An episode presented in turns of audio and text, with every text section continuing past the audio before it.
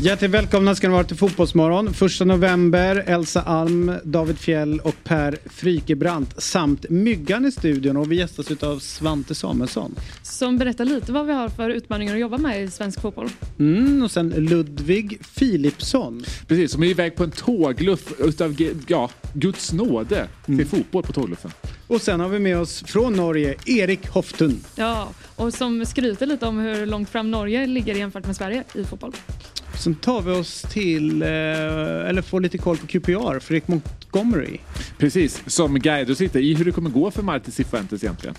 Så favoriten nere i Holland, Viktor Kai Edvardsen.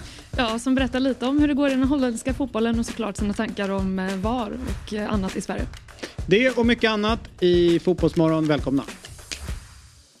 Fotbollsmorgon presenteras i samarbete med Oddset, betting online och i butik.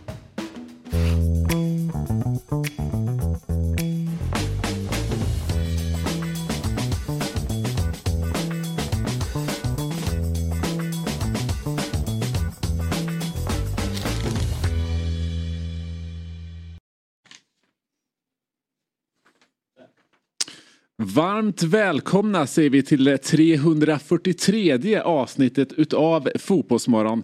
Eh, mitt namn är Per Frykebrant och med mig idag har jag Elsa Alm. Välkommen! Tack så mycket. Trevligt ja. att vara här. Ja, verkligen. Vi är ju bara två just nu och eh, vi får väl se hur länge vi är det. Tyvärr inte så jättelänge.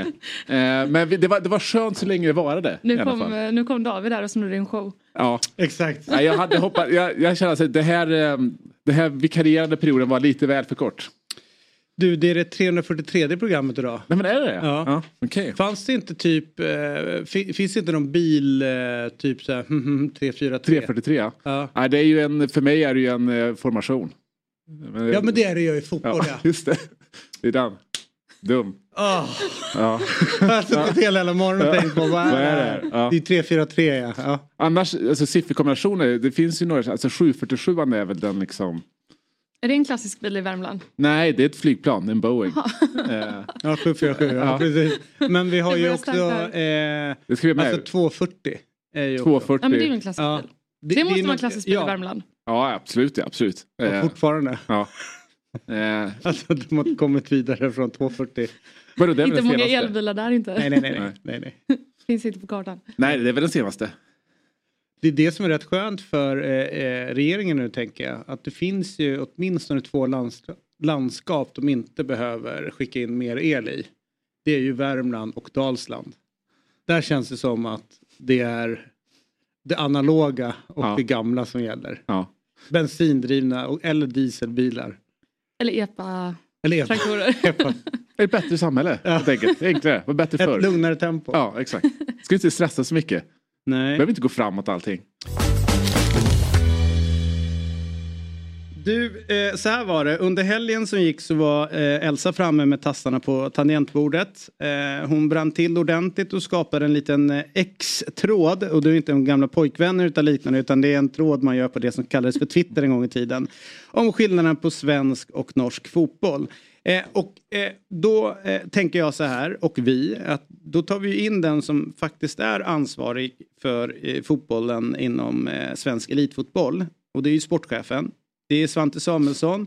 Han är den enda riktiga sportchefen för han är över 32 eh, lag tror jag nästan att det är. Han är ifrån Småland vilket gör att det är en vettig människa och ännu härligare att ha det här. God morgon! God morgon. Jag är från Bohuslän från början, ja. men bor i Småland. Mm. Bor, bor i Småland. Mm. Men du är mer smålänning nu?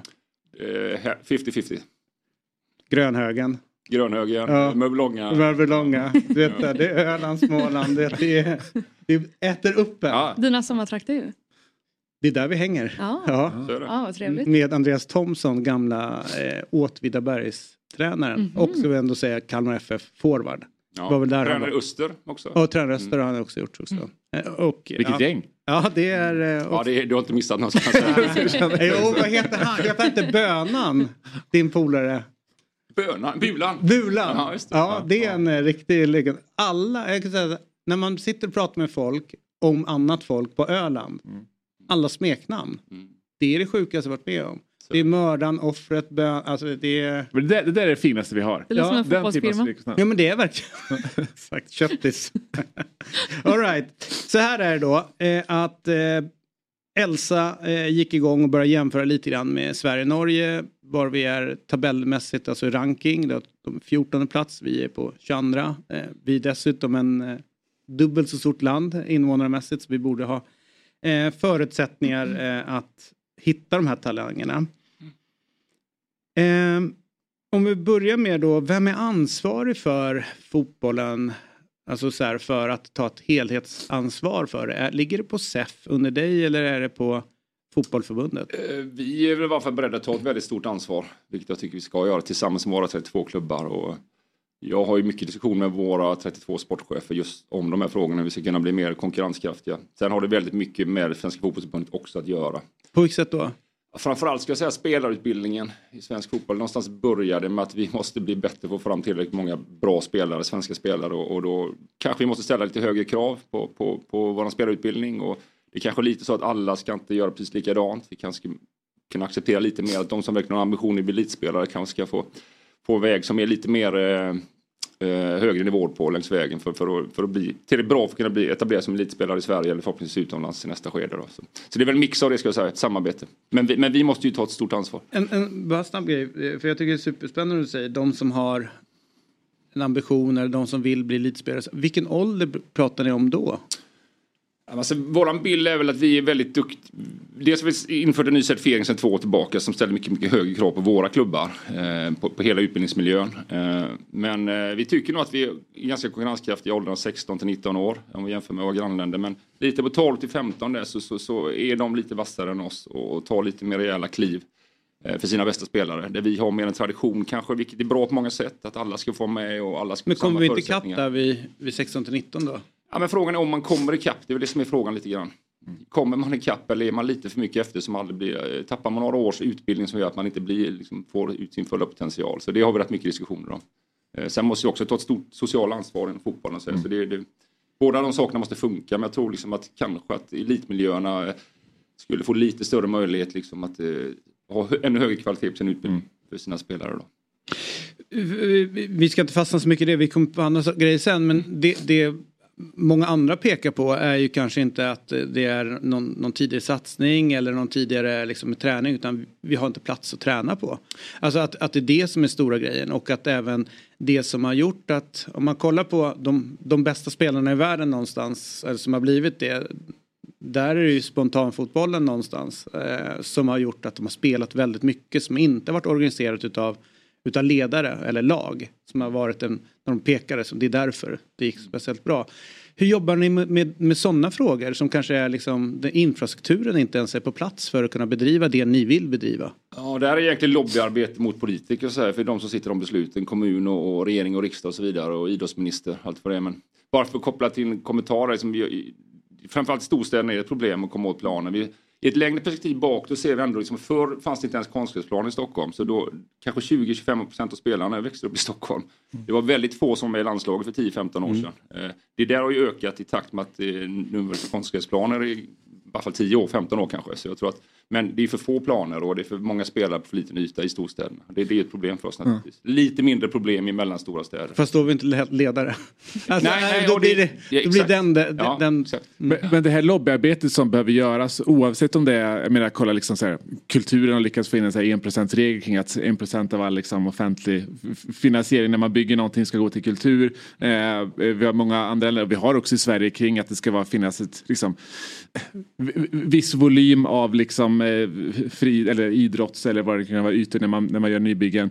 Men den typen av lobbying, eh, det, det känns som att det är liksom någonting som RF borde liksom ligga bakom tillsammans då med Fredrikssons specialistförbund. Är det någonting som, som sker kring just den här frågan eller hur, vad vet du om det? Eh, absolut, och vå- våra eh, personer på styrelsenivå hos oss och förbundet har, har ju den typen av möten. Och Vi hade besök av idrottsministern på vårt senaste klubbchefsmöte eh, och lyfte fram våra synpunkter där. Så absolut. Sen, sen är det ju en lång process och det måste prioriteras ekonomiskt i, i ett samhälle idag som, som har andra problem också. Så Dels måste vi respekt Kanske det. därför men, vi har de här problemen. Exakt, Ja. och det, det är väl våra starkaste argument kanske. Att vi, vi, vi tycker att det finns en väldigt stark koppling till ungdomars sysselsättning från ung ålder och att liksom komma bort från, från problemen de blir äldre. Då. Och då, då tycker vi idrotten är, är fantastisk möjlighet. Och lagidrott ännu mer kanske då.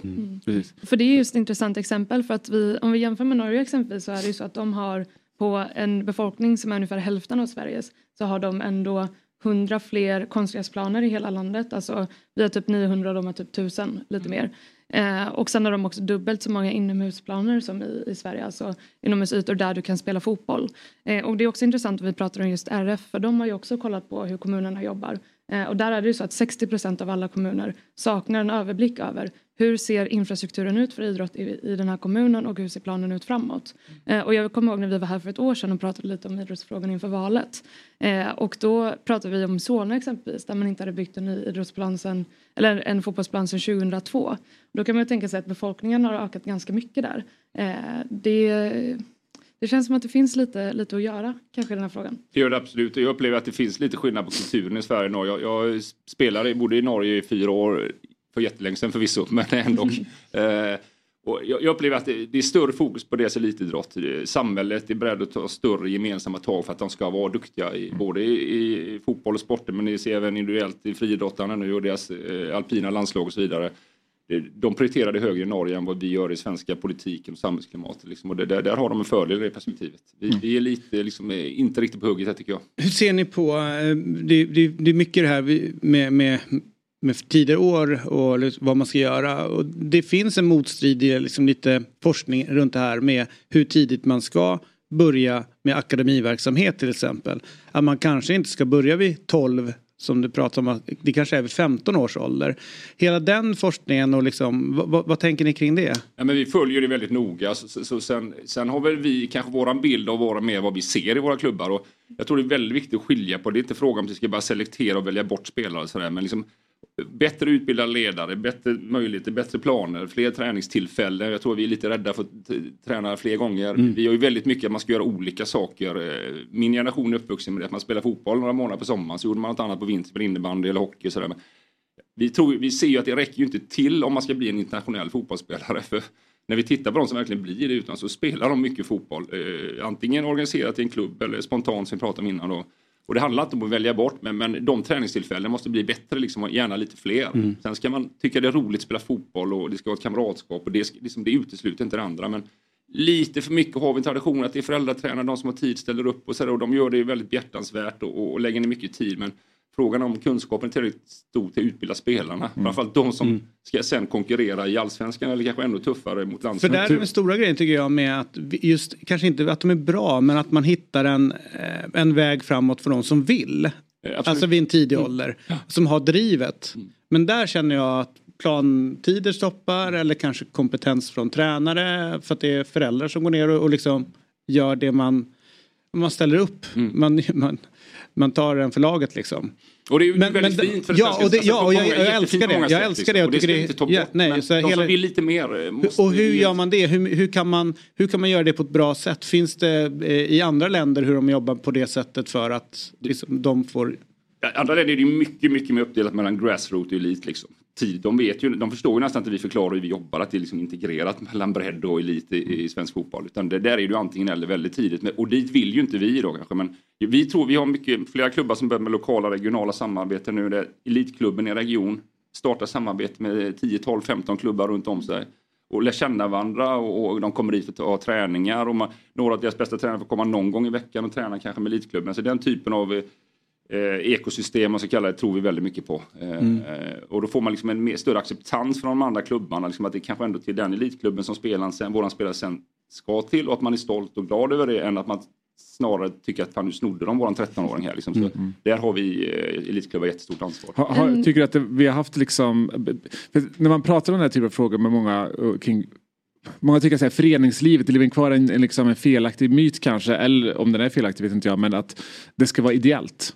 Har den liksom, är det lite en mytbild nu? För jag tänker så här, idrotten är ju inte vad den var, och speciellt inte fotbollen för för 30 år sedan till exempel. Eh, vi ser ju nu hur några andra länder i takt med att ja, men de här senaste 30 åren värdet på den här sporten har ökat ganska mycket och man har lagt in insatser för att fånga det värdet. Men har vi liksom, lever vi fortfarande kvar lite i någon gammal eh, mytbild. Till viss del gör vi det och till viss stor del vill vi göra det för vi tycker ju om det. Det är en del av vårt svenska samhälle och vår idrottskultur och sådär. Men, men det är klart att när, internationellt så ägs ju klubbarna av internationella investerare som vill avkasta med kapital. De har ju inte det perspektivet när de ska försöka få fram duktiga fotbollsspelare som de ska sälja dyrt på transfermarknaden. Då, då väger ju inte de in sådana eh, breda samhällsmässiga aspekter. Liksom. Mm. Vi gillar ju det och vi, jag är helt övertygad om att det går att kombinera det. Men men jag tror ändå att elit, våra elitmiljöer måste ändå få tillåtelse och, och liksom lägga lite större resurser och ha lite högre kravbild, mm. bättre utbildade ledare, mer träningar för, för de som verkligen vill försöka bli elitspelare. Om vi ska klara den internationella mm. konkurrensen. En fråga bara, vad, vad eh, har ni satt upp ett mål? Alltså vad,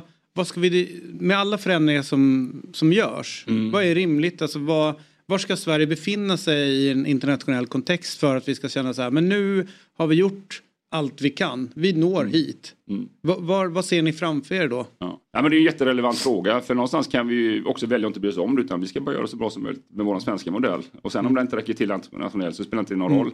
Men vi vill ju naturligtvis konkurrera internationellt och där har vi haft en målsättning de sista åren. Att komma upp till topp 15 där Danmark och Norge ligger ju. Problematiken för oss är, det, är tydligt att liksom, då måste man lyckas åtminstone med två lag varje år i fem år för att samla upp de poängen.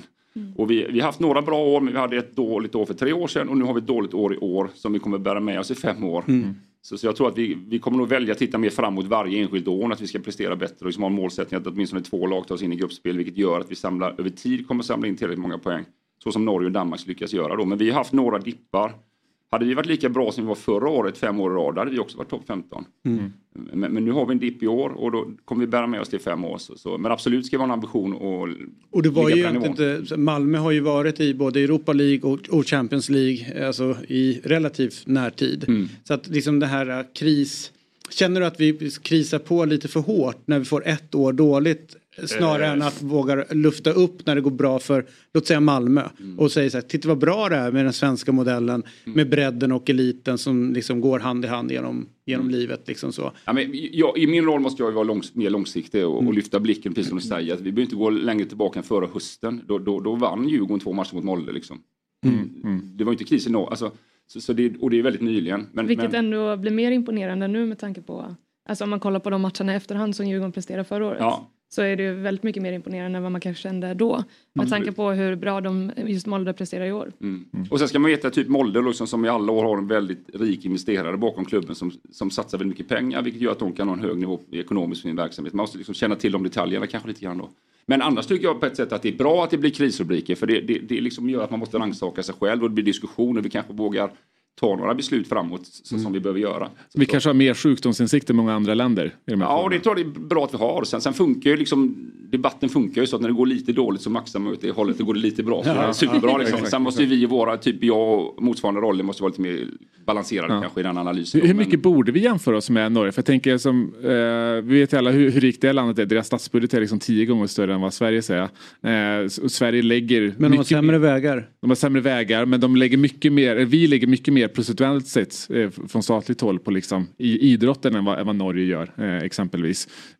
Är det lite orättvist att också jämföra med Norge? För Norge är ett ganska speciellt land. Nej men det tycker jag inte. Jag tycker att vi ska vara bättre än Norge. Mm, eh, jag tycker egentligen vi ska vara bättre än Danmark också. Men just nu är vi inte det. Borde inte vi vara i paritet med, alltså bara sett befolkningen. Det är, det är ju typ Belgien, Portugal, alltså i, runt där. I befolkning men sen om du ser på deras ekonomi och vad det är inte så att de bara plockar belgiska och holländska spelare. Utan de, de kan liksom, Nej, men det, den är ju så liksom global nu fotbollen. Så, så har du tillräckligt mycket pengar så kan du plocka in spelare. Eh, men det far efter är att den portugisiska bör egentligen inte ha, alltså så här, landet Sverige och landet Portugal så, så klart att vi kan jämföra oss ekonomiskt Absolut. med dem. Så det är ja. inga konstigheter. Mm. Det som är är ju att eh, det, det jag vet att ni har jobbat med på SEF mm. också. Det är ju att är det Porto tror jag 65 procent av deras omsättning är på transfers. Mm. Alltså de är sylvassa mm. och jätteduktiga på att plocka in unga spelare, förädla, utveckla, sälja. Mm. Eh, återinvestera. Återinvestera i det hela mm. tiden. Mm. Där är vi så här, jag tycker att någonstans sitter vi ganska ofta så här, vi kan inte, vi har inga rika ägare. Men hur fan mm. jobbar vi för att öka vårt kapital? Mm. Ja, alltså, det... Att köpa hem en, en, jag vill inte hänga honom så, men John Guidetti kommer aldrig öka AIKs liksom, eh, egna kapital på det sättet när man köper hem en sån. Om det inte är så att han skulle varit en eh, ja, men någon, någon senior spelare och alla runt omkring honom flyger och, och, man kan säga det. Men det är inte det man gör utan klubbarna i Sverige verkar inte. De vet att vi ska göra så här för att öka vår, vår kaka och tjäna mer pengar. Men de gör inte det. det och jag vet att ni har suttit med det. Vad beror det på? Hörru du Axel, gillar du att dagdrömma? Ja men det kan vara rätt trevligt tycker jag absolut. Vad drömmer du om då? Oftast blir väl ändå fotbollskarriären. Eh, både en och två gånger skulle jag säga. För det är ju så för oss här på Fotbollsmorgon. De flesta dagdrömmar ägnas åt fotbollskarriären. Men på senare år har jag slutat drömma om något så stort att liksom bli en bra eh, spelare utan det är snarare mina tränardrömmar som börjar kicka in. Okej, okay, så det är lite Fabian Ahlstrand inspirerat här? Ah, eh, nej, så långt ska inte jag gå. Men snarare football manager och det är ju så att eh, jag inte behöver dagdrömma så mycket längre därför att Segas otroliga spel det är ju hur autentiskt som helst. Eh, och eh, jag tror ju att jag kommer få eh, mina drömmar uppfyllda här. Mm. Nej, det är i och för sig sant. Football manager, där har jag nog lagt betydligt fler timmar på att spela det än på att eh, dagdrömma i alla fall, det kan jag säga. Då är vi ju samma skrot och korn. Det är typ du och jag och sex miljoner andra. Okej, okay, det, är, det är så pass många som blir där ändå. Mm. Det finns ju ett världsrekord som visar det ganska tydligt. Okay. Det är, är det? en eh, polack, en polsman som har styrt sitt FM-lag i 528 spelår. Okay. Ja, jag hoppas att jag inte riktigt behöver 528 år innan jag kan ordna upp AIKs kris i min egen FM-karriär. Nej, och det kan du faktiskt ta och göra nu därför att spelet släpps den 6 november. Mm. Ja, bra, då ska jag göra det. Jag startar ju alltid en karriär med Gnaget och tar dem rakt ut i Europa. Mm, och som sagt var, samma skrot och korn. Den 6 november, gott folk, släpps Football Manager 24 till bland annat PC, Mac, Playstation och Xbox. Då är det helt enkelt slut på dagdrömmandet för min del i alla fall. AIK måste ju bli ett topplag igen. Yes, det måste de och det är vi som ska leda dem dit. Tack Football Manager 24 och Sega för det och för att ni sponsrar Fotbollsmorgon. Poddtips från Podplay.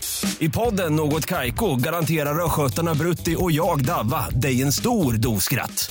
Där följer jag pladask för köttätandet igen. Man är lite som en jävla vampyr. Man har fått lite blodsmak och då måste man ha mer. Udda spaningar, fängslande anekdoter och en och annan arg rant. Jag måste ha mitt kaffe på morgonen för annars är jag ingen trevlig människa. Då är du ingen trevlig människa, punkt. Något kajko, hör du på podplay. Därför är gardinerna. När alla vet att... Jag tror att det är ganska långa processer men, men det du pratar om är det vi jobbar med, det som vi kallar ja. projekt 500. Ja, och, som har fått sitt namn, att vi har många år sålt spelare för 300 miljoner ungefär från allsvenskan. Eh, då sa vi borde kunna, om vi tittar på Portugal och Danmark så borde vi med motsvarande förutsättningar kunna nå i alla fall 800. Och då, Norge och Danmark? Norge, ja. ja men även bara, ja. ja men var lika skicklig utan förutsättningar. Ja, relativt, ja, relativt sett. Ja, ja. Och, och, då sa vi att då ska vi öka från 300 till 800. Det är 500 och därför kallar vi projekt 500 då. Eh, men det, till det, vilket år tänker man? Vad Till vilket år? Är vi har inte satt något år till det men, men man kan konstatera att förra året så sålde vi 600 helt plötsligt mm. och även i år ser vi ut att sälja någonstans på 600 mm. så vi har fått ett hopp från 300 till 600. Sen beror inte det bara på det naturligtvis men, men, men vi pratar väldigt mycket klubb, med klubbarna och har de perspektiven. Sen vi kollar på truppstrukturer och hur, när man säljer spelare, vad ersätter man? Har man, har man ersättare på plats redan? Kommer de från akademin eller en, köper man in en 29-åring och sådär? Och det handlar absolut inte bara om unga spelare, men det gäller att ha liksom en, en, en översyn av sin trupp med olika typer av mm. spelare. Mm. Några nyckelspelare som bär laget förmodligen är 25 till 29 i primen, men du har några hela tiden som är på väg upp och som börjar leverera som du kan sälja för mycket pengar. Och du ska helst ha så få som möjligt liksom gamla som inte får speltid. Mm. Det, det, liksom, det, kostar bara pengar. Sådär då. Så de resonemangen har vi väldigt mycket med klubbarna. Men handl, vi ska också vara väldigt tydliga att det handlar inte bara om att spela med unga spelare. För då blir förmodligen laget inte tillräckligt bra. Men att ha en mix som man hela tiden har en långsiktig syn på liksom hur bygger vi vidare den här truppen mellan varje fönster. Och när vi säljer honom, vem ska då ersätta? Och, sådär. Eh, och det ser vi på en del klubbar har anammat det mer än andra. Ska vi säga då. Mm. Tänker du på typ Elfsborg som är ändå det laget som eh, ökar sitt truppvärde mest varje år. Sett till att de också är duktiga på att plocka upp yngre och eh, har en spelidé från egentligen till U till A. Att man spelar på ungefär samma ja, sätt så ja, att folk är förberedda när de kommer de, upp. De har varit duktiga på mycket och framförallt, de har ju varit duktiga framförallt kanske på att ta in unga spelare som går rätt in i A-truppen snarare skulle jag säga. Alltså, några Landskrona mm. exempel, några, uh, Jesper Karlsson från Falkenberg. Liksom. De mm. kanske inte fått upp riktigt lika många från sin egen akademi. De fem spelarna som spelar för Elfsborg nu, deras egna produkter, de är ju plus 30 alla tre Så de var ju en gång i tiden i Elfsborg, mm. varit ute. Sen är ju Elfsborg otroligt duktiga på att bygga miljöer som gör att deras spelare vill komma hem och de här fem spelarna har ju dessutom kommit hem och Levererar. levererat. Ja, liksom. Men Elfsborg de, så det är inte så många från Elfsborgs egna kemi i laget nu. Utan där är ju, har de varit duktiga på importer med, med lite Island och, och så vidare som, som gjort det bra med afrikanska spelare och sådär. Så de har ju, men de har ju jobbat väldigt eh, strukturerat. För och, den, och går ju lite. Ja. den går ju lite under radarn det där. När man pratar om Elfsborg så tänker man det är hemvävt och alltihopa. Men om man kollar deras startelva nu på de yngre spelarna är ju precis som du säger. Det är ju inte några lokala förmågor som springer. I- Inte just nu, Nej, men nej, men det kommer komma upp nya, Ja, absolut, så är det ju. Mm. Absolut. Och de har gjort det. Sen ska man säga att de har sålt eh, egna också. Så att det är väl klart att det... Men Nej, men de, de har de jobbar ju- väldigt bra på många sätt. Men man ska också se de nyanserna, Ja. tror jag är viktigt. Men jag tänker att det är lätt också för unga spelare att komma fram med Elfsborg för att de har en tydlig, en tydlig spelidé som alla är införstådda med. Eh, och de scoutar också spelare efter spelidé istället för spelare som sen de kan utveckla en spelidé kring. Eh, och det är ganska olika strategier tänker jag. Mm. Och, det, och det, nyckeln till det mycket tycker jag är ju eh, Stefan och Jimmy Tillin. Liksom. De, de, tar in Jimmy Tillin och tror väldigt mycket på honom. Man får en rätt tuff start första åren. Eh, Men Stefan är ändå övertygad om att det, det är en tränare som han ser jobbar väldigt bra för Elfsborg över tid. Så vi måste ha tålamod. Och- Och dessutom har Stefan en position i Elfsborg där han får eh, förtroende av styrelsen och tar det beslutet och har det tålamodet. För, för det var rätt så stort tryck ett par gånger liksom att de skulle byta tränare. Och ju- Jag tycker det är väldigt kul att se att det ger effekt och de får belöning för det, lång, det långsiktiga tänket. Och det försöker vi liksom eh, diskutera med alla våra klubbar. Sen är det lite enklare och svårare olika typer av klubbar att vara långsiktig som, som vi vet av olika skäl. Det är, förutom just liksom den här då inom ram för projekt 500 och dis- diskutera med klubbarna och utbilda jobbar ni också med någonting för att här, jag, skapa rätt förutsättningar för klubbarna också. Jag tänker en sak som tror vi diskuterade lite förra veckan men var eh, Kim Hellberg föreslog till exempel att så här, ska man lägga till två lag till i allsvenskan för att det ska bli lite lättare att kunna liksom, rotera och få in eh, liksom, eh, nya spelare för att det inte ska bli liksom den här men, kniven mot strupen så fort man liksom eh, torskar två AIK matcher. och Göteborg i år till exempel. Ja. Det är inte, De är inte benägna att köra e- egna unga. Nej. Utan att då köper man in eh, någon främlingslegion Mm. för att säkra ett kontrakt. Eh, Kim tänker då att med två lag till så har du kanske några som kommer vara lite sämre. Eh, Mm. och fler svenska spelare kommer få chansen och, och det blir inte samma panikkänsla snabbt. Eh, Så, så kan det ju vara. Det finns ju två sidor på det. det Vissa, planerar för att det ska vara färre lag för att få en bättre, bättre kvalitet Mm. totalt sett. Liksom. Eh, vi, hade faktiskt, en- vi, hade, vi hade en konferens med, med klubbcheferna för två veckor sedan där vi hade upp den frågan. Vi tittade lite på historiken i Sverige, vilka olika modeller vi har haft och vilka modeller som finns ute i Europa diskussioner kring det. Och vi, har- vi har ju haft precis samma modell nu sedan 2008 när vi gick upp till 16 lag i Allsvenskan och Superettan. 16 plus 16, det har vi kört nu i 15 år. Liksom, så. Resonerar lite om det, ska vi göra något annat? Ska vi spetsa? Ska vi vara fler? Ska det vara slutspel? Eh, sådär. Men, men eh, känslan är väl att de flesta tycker liksom att de är rätt nöjda med, med den, eh, det formatet som är nu. Sen kan man å andra sidan säga liksom att kanske borde AIK och Göteborg kunna prestera bättre så att de inte är där. Ja, jo, Alltså, jo. eh, så- Nej, så- men Vad alltså, menar det, är sån, det är sån underprestation så att det, Mm. jag tror inte ens att hundra lag hade rätta, räddat dem. De hade räddat ner skiten ändå. Liksom. De har hittat andra vägar att bli ännu sämre. Men eh, det här med att spela fler matcher då? Mm. Alltså man kollar med, eh, jag satt igår och bara tänkte hur man matcher spelar ett, ett Arsenal per år eller ett, ehm, ett United eller Liverpool. Eller, ja, klubbarna internationellt spelar bra mycket fler tävlingsmatcher än vad vi gör. Mm. Där fanns det en gång i tiden, och nu kommer folk börja garva, men jag tror att vi är redo för en Royal League. Ja, jag ser att du bara ler när du- innan du sa Ja, det. alltså, verkligen. Nej, men jag tycker att det var en bra... Alltså, Det var, det var det. Men det, vi var inte mogna för det. Nej, inte då, men jag tror att nu när eh, fotbollsvärlden ser lite annorlunda ut. Vi har nästan tre miljoner som går och kollar på allsvenskan. Det är mycket folk i Norge. Alltså, det, tid, då var det liksom så här, äh, vi såg ju så mycket ner på Norge då. Tänkte, vad fan ska vi spela fotboll mot norrmän för? De, de åker ju bara skidor liksom. Men nu verkar det som att vi har byggt upp någon form av ehm, ja, starkare relation, en band. Man har bättre koll på de olika norska bättre, lagen. mö- bättre möjligheter att spela fotboll en tid om året Ja. också än vi hade Ja. då kanske. Sådär. För då var det på Bårsta IP med, du vet de skottade bort det bästa, Ja. värsta liksom. Så det var inte speciellt kul. Nej. Eh, Det som ändrats sen det ska jag säga dock är att vi ändrat Svenska Cupen. eh, var inte på det sättet Nej. då. Så nu, nu har vi, har vi våra gruppspel i cupen i februari-mars som gör att tävlingssäsongen eh, börjar tidigare än man gjorde tidigare. Vi börjar i mitten av februari ungefär med Svenska Cupen. Och, vilket jag också upplever att klubbarna prioriterar den tävlingen väldigt mycket. Både som titel och en plats till Europa och sådär. Men vi behöver spela fler bra matcher. Våra problematik från april till november är ju att få in våra matcher alltså. Eh, Vi har ju otroliga problem med bara att få in våra 30 omgångar plus kvar plus en Svenska cupen-match plus en final. Liksom. Efter att Fifa har lagt ut landslagsdatumen och så lägger Uefa ut alla sina datum för Champions League, Europa League. Sådär. Och så måste det vara någon form av semester på sommaren och så vartannat år är det ett mästerskap.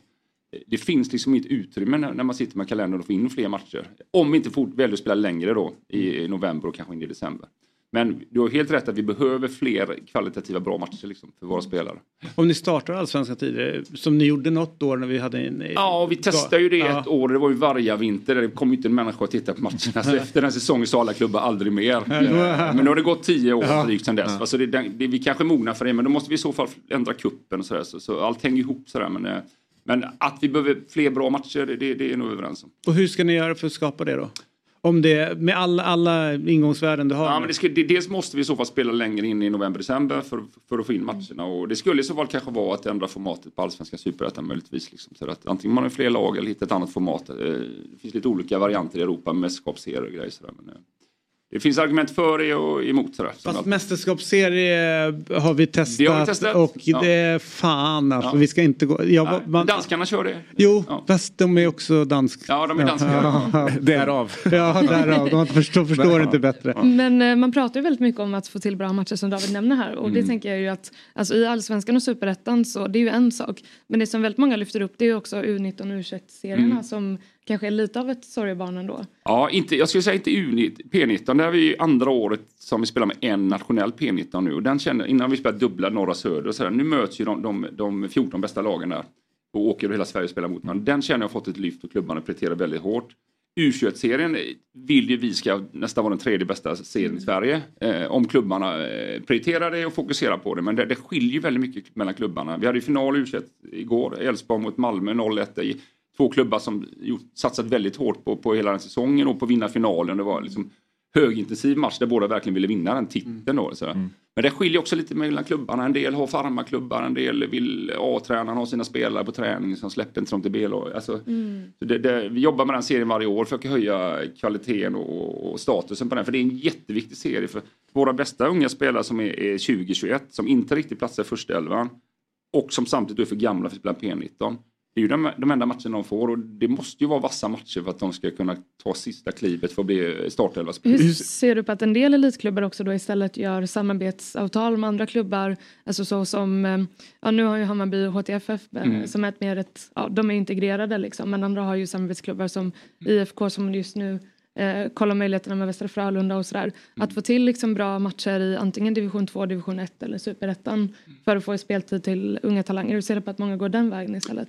Jag tror att de gör det. Alltså, många länder spelar med, med reservlaget och B-laget i, i seriesystemet. Vi får ju inte det i Sverige, än så länge i alla fall. Liksom. Och det gör ju att man då försöker hitta andra lösningar för att få den här viktiga speltiden. Mm. Bland annat med de här exemplen som du säger. Då, liksom. Hade det varit tillåtet att ha reservlaget i, i, i seriesystemet då, då hade liksom det löst sig naturligt. Och jag tror att det är också en sak för svensk fotboll tror jag, att tänka på. Liksom, för det är väldigt, väldigt duktiga spelare som är så nära att bli etablerade elitspelare. Som får en för dålig miljö där precis när de ska ta sista steget. Då. Så för svensk fotboll så tror jag det vore väldigt bra om, om, vi, om elitlagen kunde få ha eh, sina B-lag i Både seriesystemet. och, för där vill jag kasta in, vad händer med svensk fotboll? Och så här, om man bara tittar för hårt på eliten.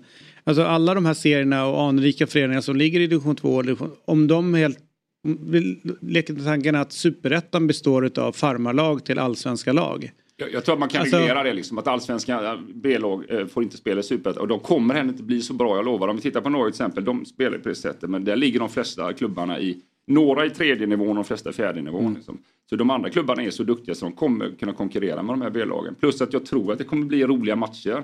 Att, att möta Malmö FFs B-lag för, för, för en eh, ettan eller två, tvåan klubb i Skåne och så vidare. Men, men det är liksom en politisk fråga som, som, som, Nej, men den är, som för, är stor. För det är någonting, Mm. för vi har ju vår föreningsdemokrati och den är jätteviktig. Vi ser nu att AIK till exempel håller på med den här AIKF, vad det nu heter. Mm. FK, De håller på att spela upp ett lag nerifrån. Mm. Men vi får ju inte ha, alltså det är medlemmarna som ska äga föreningarna. Här är det ju liksom en annan klubb som då Mm. äger föreningen och så sätter de dit några pliktskyldiga medlemmar. Bayerns gör liknande med HTFF. Vi var ju så arga på AFC Eskilstuna för att Mm. det var ingen riktig medlemsorganisation och ett riktigt medlemslag.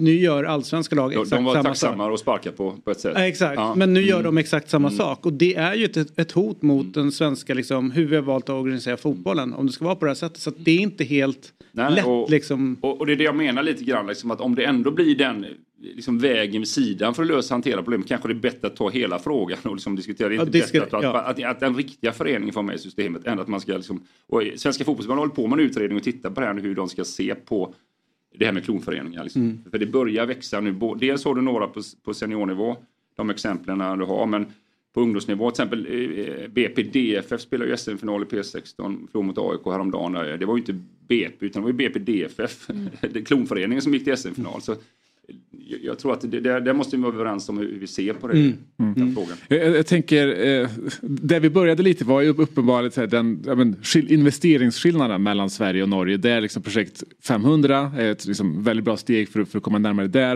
Eh, men när man kollar på liksom, monetiseringen av klubbarna på övriga håll. Vi ser också så här, norska och danska ligan, deras liksom, tv-avtal är ganska mycket mer värt än, än det svenska ditåt till exempel. Eh, finns det någonting där eh, att jobba med från både SEF men också klubbarnas håll? Finns det liksom ett pro- professionaliseringsjobb? Jag tror vi har pratat om det när du har varit med via, via digitalt också kring så professionalisering i klubbarna. Om det finns liksom ett steg att ta där också för att monetisera klubbarna ännu mer. Ja men det gör det. Jag tycker klubbarna har en väldigt bra utveckling, jobbar väldigt professionellt. Och jag tycker bara det, det stora intresse som är runt våra ligor på, på läktarna är, är ju ett tecken på att vi har en produkt som, som väldigt många är intresserade och vill gå och titta på och, och, och, och lägga lite pengar på för att se och sådär. Sen måste vi vara duktiga på, på, på att få marknaden och värdesätta det högt så att, så att vi Mm. får ett högt värde på nästkommande tv-avtal. Men, men det, det, det är ju en stor och komplex fråga det där, men det, det vi kan påverka är ju att, att ha så bra produkt som möjligt. Vill man inte kalla fotboll för produkt men i det här perspektivet så, så får man göra det. Ja, liksom. och vår produkt är ju bättre än den norska produkten. Det tycker vi, Ja. absolut. Ja. Och det tycker Norge Ja, också. men vi vill ju vinna fotbollsmatcher, det är ju det allra Ja. viktigaste för oss. Det är ju Ja. alltid det viktigaste, att vi är så bra som möjligt i fotboll. Sen, sen är det andra oerhört viktigt med för att skapa ekonomiska resurser för att bli ännu bättre. Men hur, hur gör ni då? För någonstans sticker ju Sverige ut. Eh, Noah Bachners eh, genomgång i Expressen och även hans bok eh, tidigare, liksom, har gått ner på det faktum att vi sticker ut. Vi har inte VAR, det är föreningsdemokrati eller 51 regeln och sådana saker. Och 2 829 275 arenabesök har noterats så här långt under säsongen, vilket är rekord. Det har aldrig varit så många som har varit och kollat.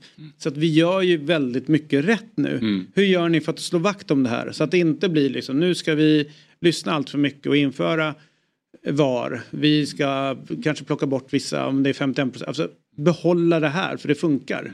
Eh, hur, Ja, hur mycket pratar ni om det? Det är ju hela tiden en balansgång med, Ja. med det unikt svenska och vi tycker så, som är våran fotboll och det, vad det som gör att skapa intresse för våran fotboll, för våra fans, våra publik, våra samarbetspartners som är jätteviktiga sådär, va? kontra att samtidigt vara konkurrensmässiga internationellt. Och den balansgången är ju väldigt svår. Eh, Men för om du- vem om du tar är man VAR- det Om du tar, om du Ja, tar men- VAR-frågan ja. som exempel. Liksom, om man lyfter blicken lite grann så, så, har alla stora ligor, alla stora tävlingar utom Sverige har VAR. Och på damsidan har det inte? Ja, nej, nej, men, men det det beslutet vi har tagit än så länge. För, för det är så de som, som har makten i svensk fotboll eh, tycker, majoriteten Mm. än så länge. Och vilka har makten? Jo, det är de som går på årsmöten i klubbarna och mobiliserar i en fråga. Och, och då får, måste vi rätta oss efter det så länge inte de som är för VAR mobiliserar. Eh, Och går på årsmöten Nej, nej men det kanske inte är så dumt med VAR ändå. Men vi måste ju lyssna på de som, som bestämmer. Och med vår struktur så är det ju medlemmarna som går på årsmötena som bestämmer. Lite förenklat. Eh, Det är Mm. klart att Svenska fotbollsförbundet skulle kunna ta det här beslutet, bara pang. Men de vill ju naturligtvis inte göra det om inte de klubbarna som, som Mm. omfattas av det är positiva. Då. Så det, det är ett exempel på en fråga. Liksom, det- Och att det Svenska fotbollförbundet är inte en egen liksom, juridisk person heller på det sättet. De är ju alla klubbarna i Sverige. Ja. Så att om medlemmarna säger nej så borde de rimligtvis tycka samma sak. Att de är men i det här fallet är det ju SEFs medlemmar som tyckte det. De, det, det är ju inte säkert att, att, Nej, nej, ett det det beredskap Det blir- men, men bredd, distrikten är ju inte engagerade i den här frågan så det blir ju väldigt tydligt en elitfråga om vi pratar just om VAR då. Och där kanske det finns en poäng med det också för att alltså, det är ju Svenska fotbollsförbundet som äger allsvenskan och Mm. eh, superettan för att vi har ju inga stängda ligor i Sverige vilket är en bra sak. Och det är därför frågan ligger på Svenska fotbollsförbundet och inte på SEF. Men däremot så tycker jag eftersom det är svensk elitfotboll och de klubbarna som berörs så finns det en poäng med att det faktiskt är klubbarna som får bestämma den här frågan. Mm. Just utifrån att absolut om fem år så kanske det är andra klubbar som är i allsvenskan och superettan. Men det finns ju ingenting som hindrar att man tar ett nytt beslut då ifall de klubbarna som är nu inte är för. Eh, så att det finns ju en poäng med att alltså, frågan ändå försöker ligga där tänker jag. Mm. Eh, Ja men det stämmer. Och någonstans har det har inte tagits något formellt beslut om VAR i svensk fotboll. Däremot har det tagits beslut på rätt så många SEF-klubbars årsmöte att de klubbarna ska vara emot VAR. Det är ju där, och där har det ju stannat. Frågan har ju pausats där på något sätt. Och det, det är ju där vi står nu. Men man kan ju ta diskussioner, liksom bara situationen mellan Blåvitt och Elfsborg. Liksom. Eh, hade vi haft VAR så hade han blivit utvisad Elfsborgsspelare naturligtvis. Liksom. Men nu har vi inte, blev inte det och då, får vi, då kan vi inte heller kritisera det upplever jag i, egentligen. Du- Klitte gör ju en jättemiss där. Han är ju den första att erkänna det när han ser situationen. eh, Från tv-bild ska man vara noga med att säga. Eh, han, han, alltså, han, han, han såg ju inte från rätt håll och han gjorde felbedömde situationer. Men det blev ingen utvisning. Och, men då ska vi inte heller kritisera det kan jag tycka. Om vi inte vill ha VAR då får vi acceptera att nej, domaren såg inte det. Då kan inte vi komma med tv-bilderna och säga men fan ser du inte att det är utvisning åt andra hållet? Liksom. Nej, han såg inte det domaren och vi har ju bestämt att det är han som ska döma. Vi ska inte ta hjälp av tv-bilder. Liksom. Mm.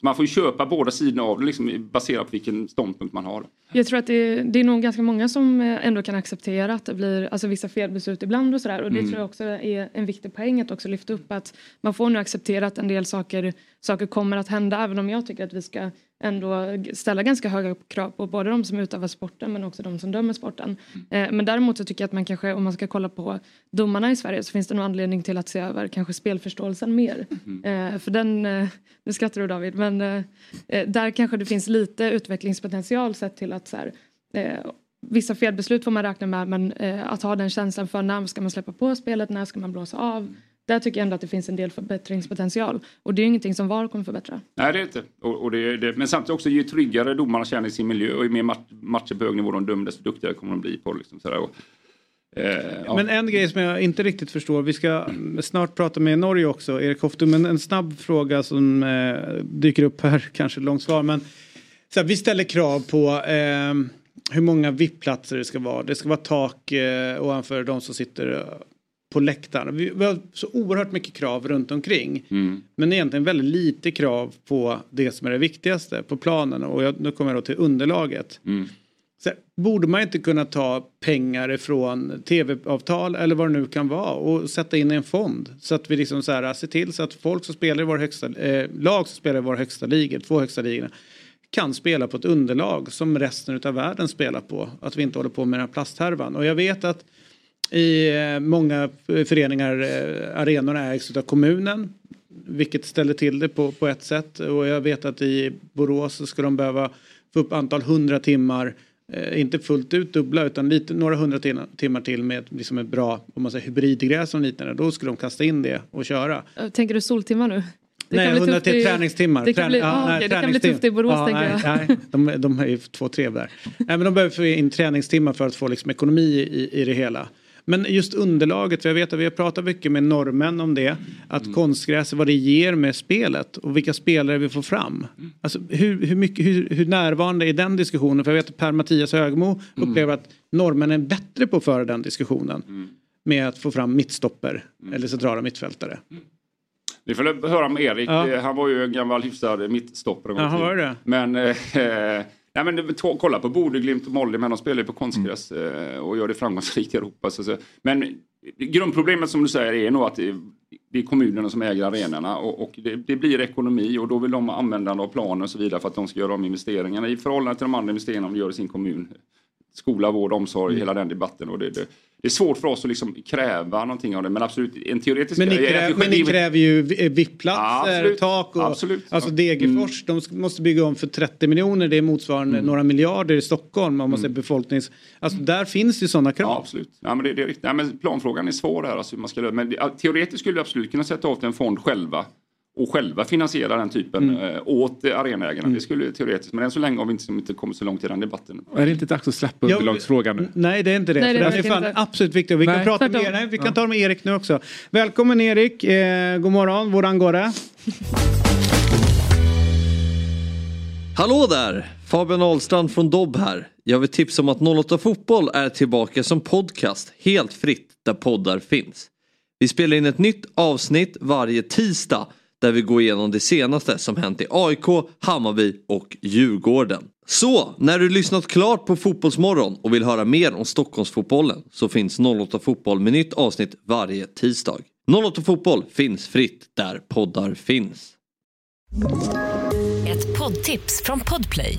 I fallen jag aldrig glömmer djupdyker Hasse Aro i arbetet bakom några av Sveriges mest uppseendeväckande brottsutredningar går vi in med hemlig telefonavlyssning och, och då upplever vi att vi får en total förändring av hans beteende. Vad är det som händer nu? Vem är det som läcker? Och så säger han att jag är kriminell, jag har varit kriminell i hela mitt liv men att mörda ett barn, där går min gräns. Nya säsongen av Fallen jag aldrig glömmer på Podplay.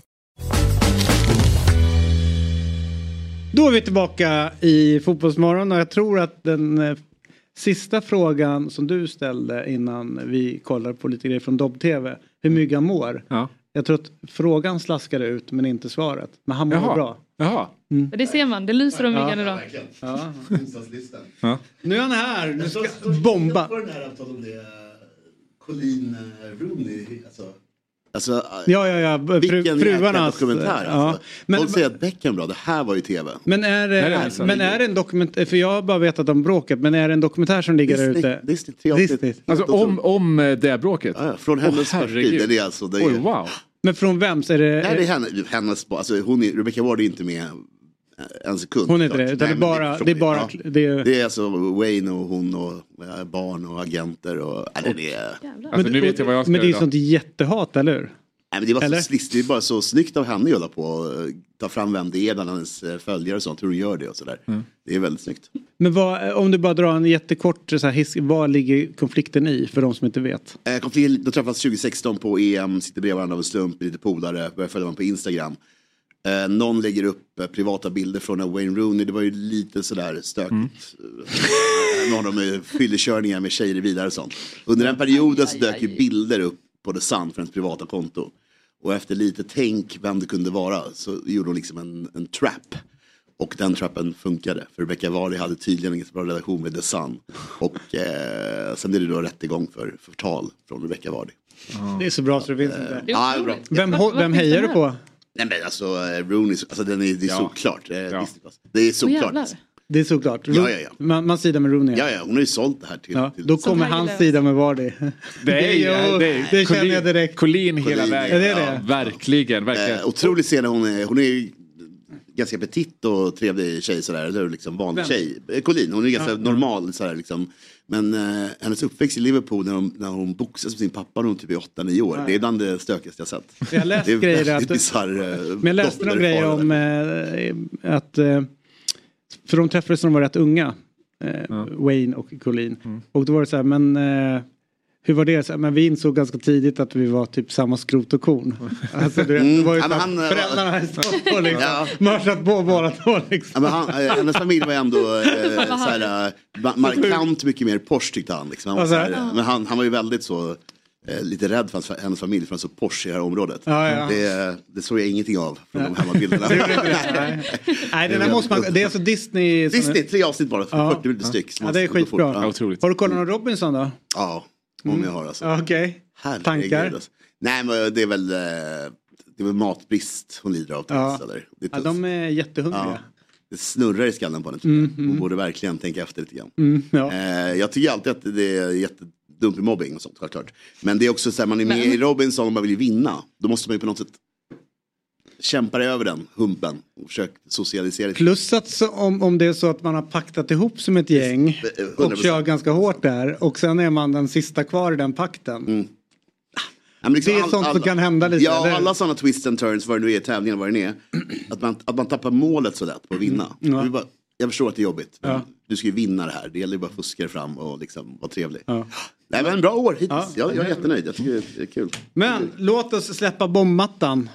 Rakt ut. Ja, Det är ju onsdag. ja det är jättebra match ikväll i, Ja, i, i, i cupen. Det är kul. Ja. Kul gäng matcher. Jag tror det ska komma upp här eh, hur det är. West Ham, Arsenal, Bournemouth, Liverpool och Manchester United, Newcastle. Det är Mm. de tre matcherna du ska bomba in. West Ham behöver verkligen en vinst där efter rätt stökig period. Och jag tror att vi kan se ett eh, kryss här lite min tanke. Eh, Arsenal har Newcastle och eh, glöm bort vilka de möter i andra mötet. Vilka möter de i Champions League? För det vänder ju. Sevilla hemma. Eh, som är rätt viktigt som kommer framåt helgen och sen på tisdag. Men jag tror att eh, 2-2, fartfylld tillställning, straffavgörande. Det är min gissning. Eh, Bournemouth-Liverpool, här är ju också intressant. Bournemouth möter City på lördag. Vilken match bestämmer man sig för att gå för? Den goda i, i, i Arola heter han va?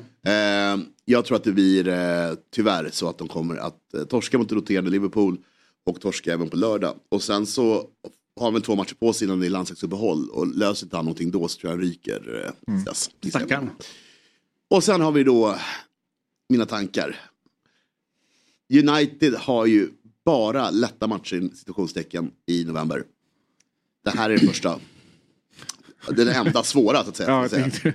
Och eh, jag tror att Newcastle måste rotera ordentligt. Alltså, för att de möter ju sagt var Arsenal och sen Dortmund. Mm. Så de kan inte hålla på och spela. Och har lite slags- skador också. De har ju skador som det är. Så jag tror vi kommer se Mm. ett jätteannorlunda Newcastle ikväll. Så att utan startelver tror jag United vinner den här matchen. Och sen så får de svårare mot Köpenhamn borta och, och Galatasaray borta och allt vad de har. Så kommer. Ja, härligt. 216 rader, så här är väl en sån här Janne man går ihop med, med, med någon polare. Liksom. Två, tre, Ja, fyra beroende på hur många man är.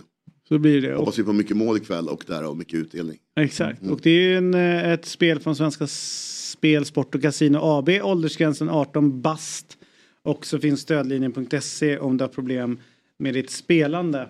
Vi ska eh, alldeles strax eh, prata med en som har koll på Queens Park Rangers. Eh, Marti Cifuentes, Bayerns före detta tränare, Ja. har ju landat in där. Mm. Och då undrar ju säkert folk så här, vad är det här för klubb? Ja men det ska ni få reda på. Crystal Palace. Mm. Som. Vad säger du? Crystal Palace som de sa på presskonferensen. Vilka gjorde det? Deras eh, pressekreterare råkade säga Crystal Palace istället för Crim, Nej. Greenberg Rangers. Och eh, eh, Cifuentes bara Fel klubb, fel klubb. Är det sant? Ja. Det var ganska roligt. Ja. Start. Ja, det är väldigt, eller ja, eller det är väl bra att han ändå hade koll på vart han, vilka han skulle träna. Ja. Också Så bra ännu ma- värre om han satt så här, yes I'm very happy to Ja. Men jag tror att det var en markering från Bayern också. Alltså li, det är lite liksom... Eh, Härskarteknik ja. verkligen, verkligen. Mm. Nej, jag tror han bara råkade. Nej, det var härskarteknik. Ja, Det det sånt, sånt vet man inte. Men, men hur som helst, innan vi har med oss eh, så lovade jag ju eh, att eh, Eh, jag ska bara kolla, är det Fredrik eller är det Viktor vi ska ha med nu? Det är det? Ja, för, för det stod ju två. Ja, vad härligt. Eh, jo, jag lovade ju i början att vi skulle prata lite grann mer om matcher som har spelats. Var det någon av er som eh, kollade på landskampen igår? Eh, jag satt faktiskt på ett plan från Köpenhamn eh, igår när matchen spelades. Så, så jag såg inte matchen, kollade sammandrag efteråt. Ja. Eh, men det är ju, ja vi, kan- vi kan ju räkna bort OS eh, för det första. Eh, det hade man ju nästan kunnat göra innan matchen. Men nu börjar man ju känna sig det. Det har varit ett väldigt svagt Nations League från, från Sverige. Ett Nations League som betyder väldigt mycket på damsidan. Eh, vilket inte gör så mycket på, på herrsidan.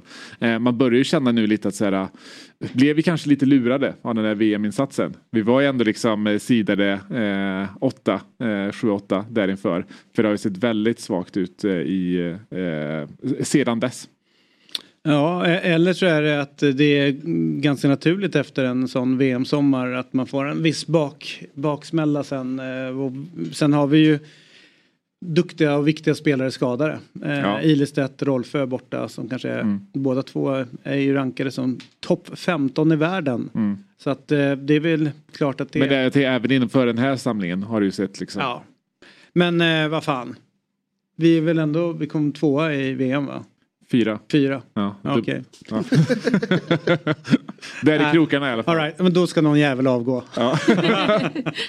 Däremot Musovic och, och eh, ganska ordentlig tavlan då, den ska ju ha Mm. eh, såklart igår. Och nu är det ju, ja, det varit lite svajiga in- insatser. Det har varit det. Eh, Från, att- från semifinalen då, som vi då förlorade. Ja, det vi förlorade Eh, ja. Tyckte att det, i min värld så vann vi den. Ja, ja, vi hade kanske gjort det om det inte hade varit för eh, den där lilla eh, insatsen. Det, vi ska vi tar den. Nu ska vi ta oss eh, till Holland för det var alldeles för länge sedan man fick surra med Viktor Kai Edvardsen. Han eh, är ju nu nere och gör kaos i Holland. Han gör eh, stor succé i höstens succélag Go Ahead Eagles. Och han har tagit till X, eller ska vi säga Twitter, eh, och rasat lite grann så att det har nått hela vägen upp till, till Sverige. Men här sitter han. God morgon Viktor, hur är läget? God morgon. Det är bra tack. Du, eh, vad härligt samtal vi hade igår med Patrik Werner som var lite stressad och pressad över tabelläget och konstaterade att alla är för jävla snälla nu. Vi skulle behöva Viktor Edvardsen.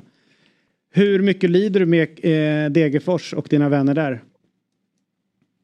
Nej, men eh, jättemycket såklart. Man var ju med på hela den resan där för några år sedan och eh, vet hur mycket fotbollen betyder i, i Degerfors och runt omkring där så att eh, det är klart att det man lider när man ser, ser dem spela för att det känns inte som att det är samma glöd längre som det var när ja, men jag själv var där. Eh, tre månader av ditt eh, unga liv har nu spenderats i Holland och Defenter. Vad har det gjort med dig?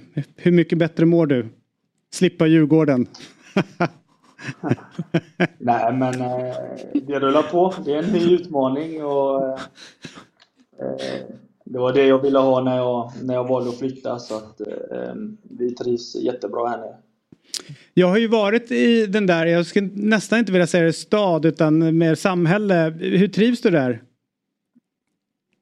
Nej men jag trivs bra. Vi bor lite utanför själva eh, stan. Eh, så att eh, vi bor i ett jättefint område här, ett eh, husområde och har bra grannar och eh, som eh, oftast är och kollar på matchen också. Så att, det är tur att vi har börjat ganska bra här.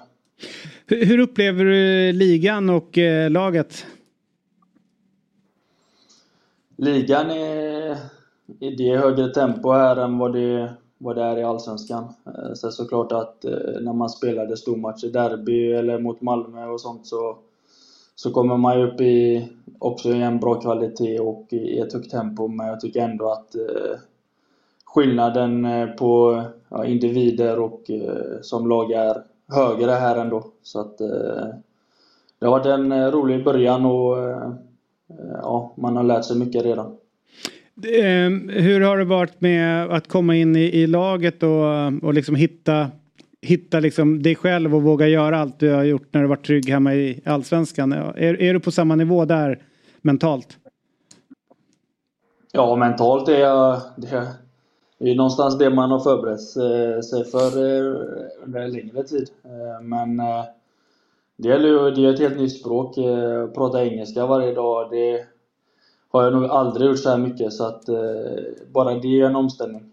Sen så, ju mer bekväm man blir i en grupp desto mer plats tar man ju om man vill göra det så att det har inte varit några problem. Sen så är jag ju bland, är bland de äldre i laget också så att det är jag är en viktig pusselbit i, i omklädningsrummet också som, ja, men som ska fungera så att eh, det har varit ganska enkelt ändå. Hur, hur ser du på din egen utveckling? Känner du själv att du automatiskt blir, blir man automatiskt en bättre spelare när man kommer till en, en, en, en helt ny utmaning, en nivå upp, mycket högre tempo och sådär. Du, du får ju liksom regelbunden speltid också. Jo, men det blir ju så. Sen så, jag har varit inne på det innan också, vi tränar lite längre än vad, än vad man gör i Sverige. Eh, så att fysiken blir ju väldigt mycket bättre om man säger så. Eh, vi tränade jävligt hårt och mycket i Djurgården men jag var ganska förberedd på när jag kom hit men jag var ändå eh, jävligt långt bort från de andra. Så att jag har legat i som bara den just med fysiken och ehm, som är en stor del i vårt spelsystem genom att springa ganska mycket och sådär. Så att så sätt har det varit en omställning. Kommer det som en överraskning att vi ligger så pass långt eller lite efter fysiskt i Sverige? Med tanke på att det är en grej som inte är... Eh, du behöver inte köpa in en dyr spelare för att vara bra fysiskt utan det är bara att träna. Ja, nej alltså. Jag tror det är ganska individuellt i, i svensk fotboll i alla fall. Eh, man har mycket eget ansvar så genom vad man äter och och hela den biten här. Ja, med inför, två dagar inför varje match har vi så här, vi måste pissa en kopp för att de ska se hur mycket ja, men skit man har ätit, hur mycket man har druckit. Eh, man gör så här bodyvägningar. Ja, men jag gör det en och en halv veckas mellanrum hela tiden så att de har väldigt koll på, ja, men på individnivån på ett annat sätt än vad man kanske har i vissa klubbar i Sverige. Jag vet inte alla. Så så det blir, eh, pizzan blir precis när man har tagit den här fettmätningen och så får man bara deffa sen ner till nästa, nästa mätning. Jag ja. fattar. Hörru du. Eh, ja. det var ju jävligt roligt. Jag gillar ju ändå när du tar till eh, Twitter eh, och det är ju eh, mötet mellan Göteborg och Elfsborg och där jag vet att Pontus Wernbloom satt i utlandet och kollade på matchen och var förbannad. Eh, Bjärsmyr eh, har ju berättat att han var så här så han knappt kunde prata och blev ännu sämre på att säga R. Och Tobbe eh, bara satt och, och, och fräste liksom. Och allting handlar ju om den här situationen när Klitte kanske får lite fel. Eh, och varnar en Blåvitt-spelare istället för att ge rött kort till en Elfsborg-spelare. Och där gick topplocket nere i Defenter hos, eh, hos Edvardsen. Berätta hur, hur, eh, hur upplevde den här situationen? Nej men alla har ju sett den kanske hundra gånger om så att eh, han gör ju ett stort misstag. Det är inget att blunda över. Eh, hur Blåvitt-spelaren kan få gult kort när han är dels först i duellen och sen ser man ju hur eh, ja, men Elfsborgsspelaren verkligen är efter och väljer att fullfölja så att eh, det skulle vara såklart rött. Eh, och hade man haft VAR så hade ju de gått in och eh, dels ändrat beslutet och gett rött kort. Eh, och sådana små ja, rättvisor hade man ju velat ha. Eh, nu säger inte jag att jag är för VAR, men ja, vi har ju VAR här och man vet det är inte så som det har varit i Norge exempel med massa minuters avbrott och sånt. Jag var med om, ja men mitt första mål här blev ju avblåst på VAR för att ja, men min axel var liksom två millimeter Var du nöjd med offside. den? ja exakt. Då, då vill man ju inte ha det, men när det är sådana här stora matchavgörande grejer så tycker jag att man, eh, ja, men man måste kunna kolla på det. Eh, hur, hur, är det att eh, när du spelar med VAR, för en del säger att spelarna blir väldigt medvetna om att, att du är liksom övervakad, att du inte gör vissa grejer, stämmer det? Ja, man tänker lite extra samtidigt så ehm, Eh, vi har ju ja, med två spelare i laget som åkt på rött för att de har gjort eh, fula grejer. Så att, eh, vissa spelare gör det nog. Jag kan tänka på det ibland typ när man, eh, man ska gå i djupled eller någonting. att Man eh, vågar inte gå kanske för tidigt för att eh, de oftast vinkar.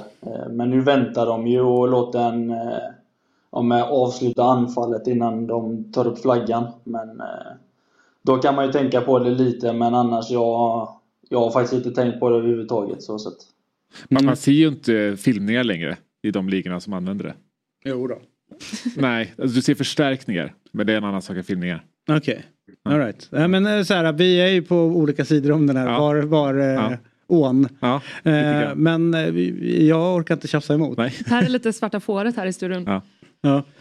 Men, men du, eh, bara snabbt. Jag har ju som sagt varit en snabb vända och kollat in Go Ahead Eagles. Eh, sett både laget, sen var jag där och jobbade lite under dam-EM var i Holland 2017.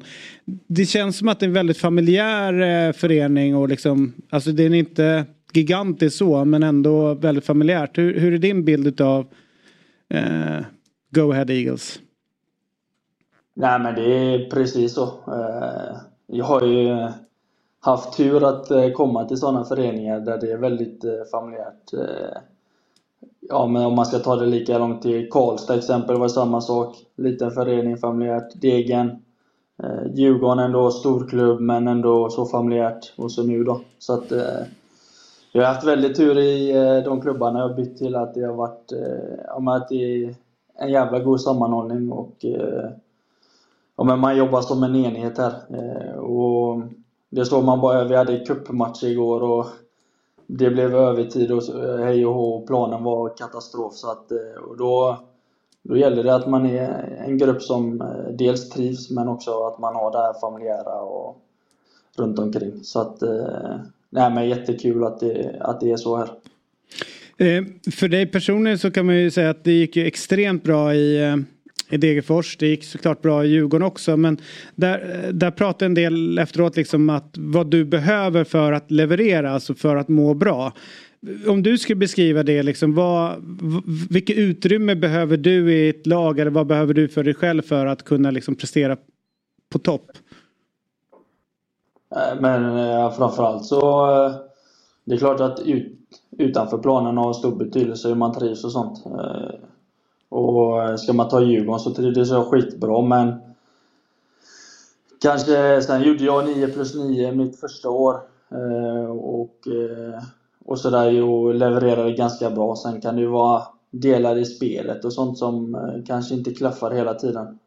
Men kollar man på anfallarna de har nu så så har inte de gjort hälften så mycket poäng som jag gjorde när jag spelade så att det kanske något rätt kanske man gjorde också. Eh, så att, eh, men det är klart, måendet utanför är ju prio och eh, där har jag bra hjälp med de personerna jag är runt omkring mig. Finns det något agg du känner runt liksom hur det blev uppbrottet från Djurgården eller finns det besvikelse i hur det blev? Ja, det är mer kanske en besvikelse. Jag vet från ja, men supporterhåll att, att de tycker också att jag förtjänar mer eh, än hur utfallet blev. Sen så är det så att det, det gäller att prestera. Jag presterade inte på topp heller eh, av olika anledningar. Så att det är en balans där mittemellan. Man kan ju inte bara skylla allting på, mm, ja, men på, på några individpersoner utan eh, jag får, får ta en del kritik där också såklart. Men eh, jag, det är klart jag saknar att spela i Djurgården och eh, om allt vi ändå gjorde förra året. Mm. Du, eh, jag lyssnar på Hunden katten glassen eh, ofta och eh, det är ju en blåvitt podd. Väldigt kul när de har torskat. Eh, och eh, där så var ju du med och inför mötet med Degerfors tror jag och pratade lite grann och då var de ju på det lite grann att ska du inte komma hem till Blåvitt, ska du inte komma dit och så vidare. Eh, det var ju inte jättenära men ändå lite snack i somras. Hur ser du framöver? Är, är det, har du det som en, en dröm någon gång att få spela för för din hemstads största lag? Jo, det är klart eh, att jag har det. Eh, det har jag nog alltid haft. Eh, sen så har det ju varit ja, med olika anledningar till att jag inte har gått dit.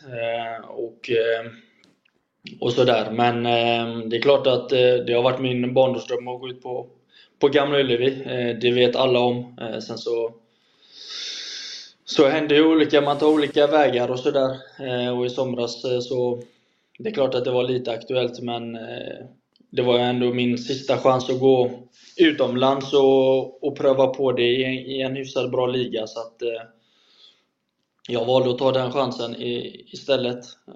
Sen så kanske man inte ska bli utlånad från Djurgården till Göteborg. Det, det ser inte ganska bra ut heller. Så att, eh, men det är klart att jag har en, eh, en dröm att få spela på, på Ullevi i eh, Blåvitt-färger. Samtidigt så har jag väldigt stor respekt för, för Djurgården och det ja, men Bosse och framförallt Henke och Lena där SLO har, har gjort för mig. Så att eh, det kommer bli svårt ändå om man ska, man ska hem och eh, om, om blå, båda klubbarna ens vill ha en. Det blir väl det- som eh, Tobbe Hysén hade väl samma, samma lägen. Alltså, om man ska, han har ju varit i Djurgården och sen så blev det hem till, till Blåvitt. Och, det, Men, och då, eh, alla unnar ju honom den, liksom, att det blev så. Ja, men eh, Viktor, vi ser ju att det går ganska bra för dig. Jag har notiser på din klubb och sådär och, och ser ju att det, det går både bra för dig och din eh, norska kompis med samma, samma namn där. Men eh, jag har inte heller glömt bort vad du lovade mig på Sturekompaniet i somras så att eh, vi ser fram emot att se dig i den blåvita tröjan sen om ett år. Alla det jävla blir- löften. jag behöver inte säga det högt men... eh, Han sa, han sa samma sak till mig om Karlstad. ja just det, den här jäkeln håller ju på Karlstad.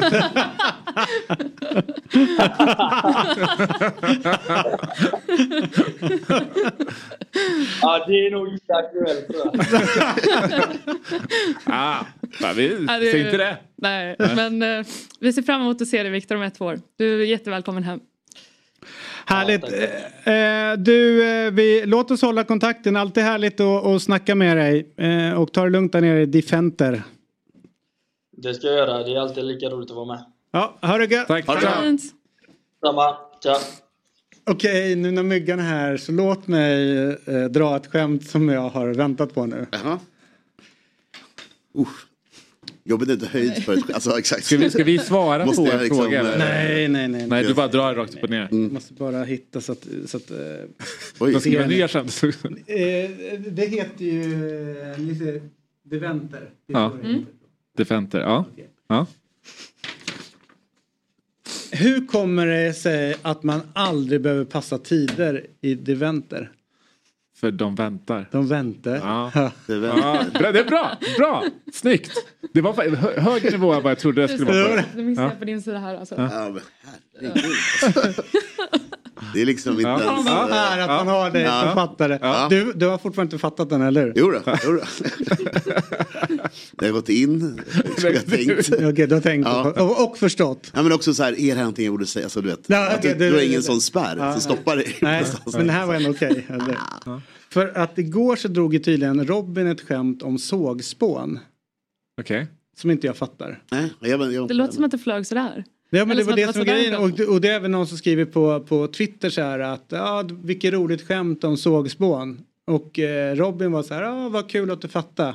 Och jag var så här, "Ah, är det ett skämt Ja. ens? Nej, det, här var ju, det här var ju tydligt. Det här var ju ett Ja, bra skämt. Ja exakt. Ja, Nej, och då undrar man ju det- vem det är som stand-up Det var inte comedian bra. här egentligen. Det är, Det roligare är när jag säger att, eh, liksom, att jag förstod skämtet och du direkt sa det här var ett bra skämt. Alltså, Ja. Du liksom uppar det. ja men det var Ja, fint. jävligt bra. Fin egenskap. Och Vilken härlig morgon vi har haft. Nu är klockan nio och då ska vi ta vår Mats ur skolan. Vad, Eh, är, vad, betyder, vad är det där för ordspråk man aldrig hört? Va? Du har koll på det? Ja, självklart. Mats Och i du- skolan? och du har koll. Ja, det, jag har hört det. Ja. Mm. Eh, vi kan ta den efteråt när vi har släppt de som sitter och kollar här. Vi är tillbaka imorgon eh, och dit är Axel Insulander och Niklas Nemi i studion med en hög gäster så att eh, missa inte det. Tack för den här morgonen, hej då! Fotbollsmorgon presenteras i samarbete med Oddset. Betting online och i butik.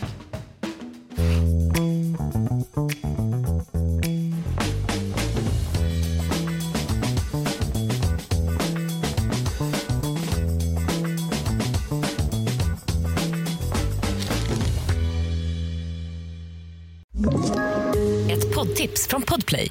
I podden Något Kaiko garanterar östgötarna Brutti och jag, Davva, dig en stor dos skratt. Där följer jag pladask för köttätandet igen. Man är lite som en jävla vampyr. Man har fått lite blodsmak och då måste man ha mer. Udda spaningar, fängslande anekdoter och en och annan arg rant. Jag måste ha mitt kaffe på morgonen för annars är jag ingen trevlig människa. Då är du ingen trevlig människa, punkt. Något Kaiko, hör du på Podplay. Därför arkadeinerna.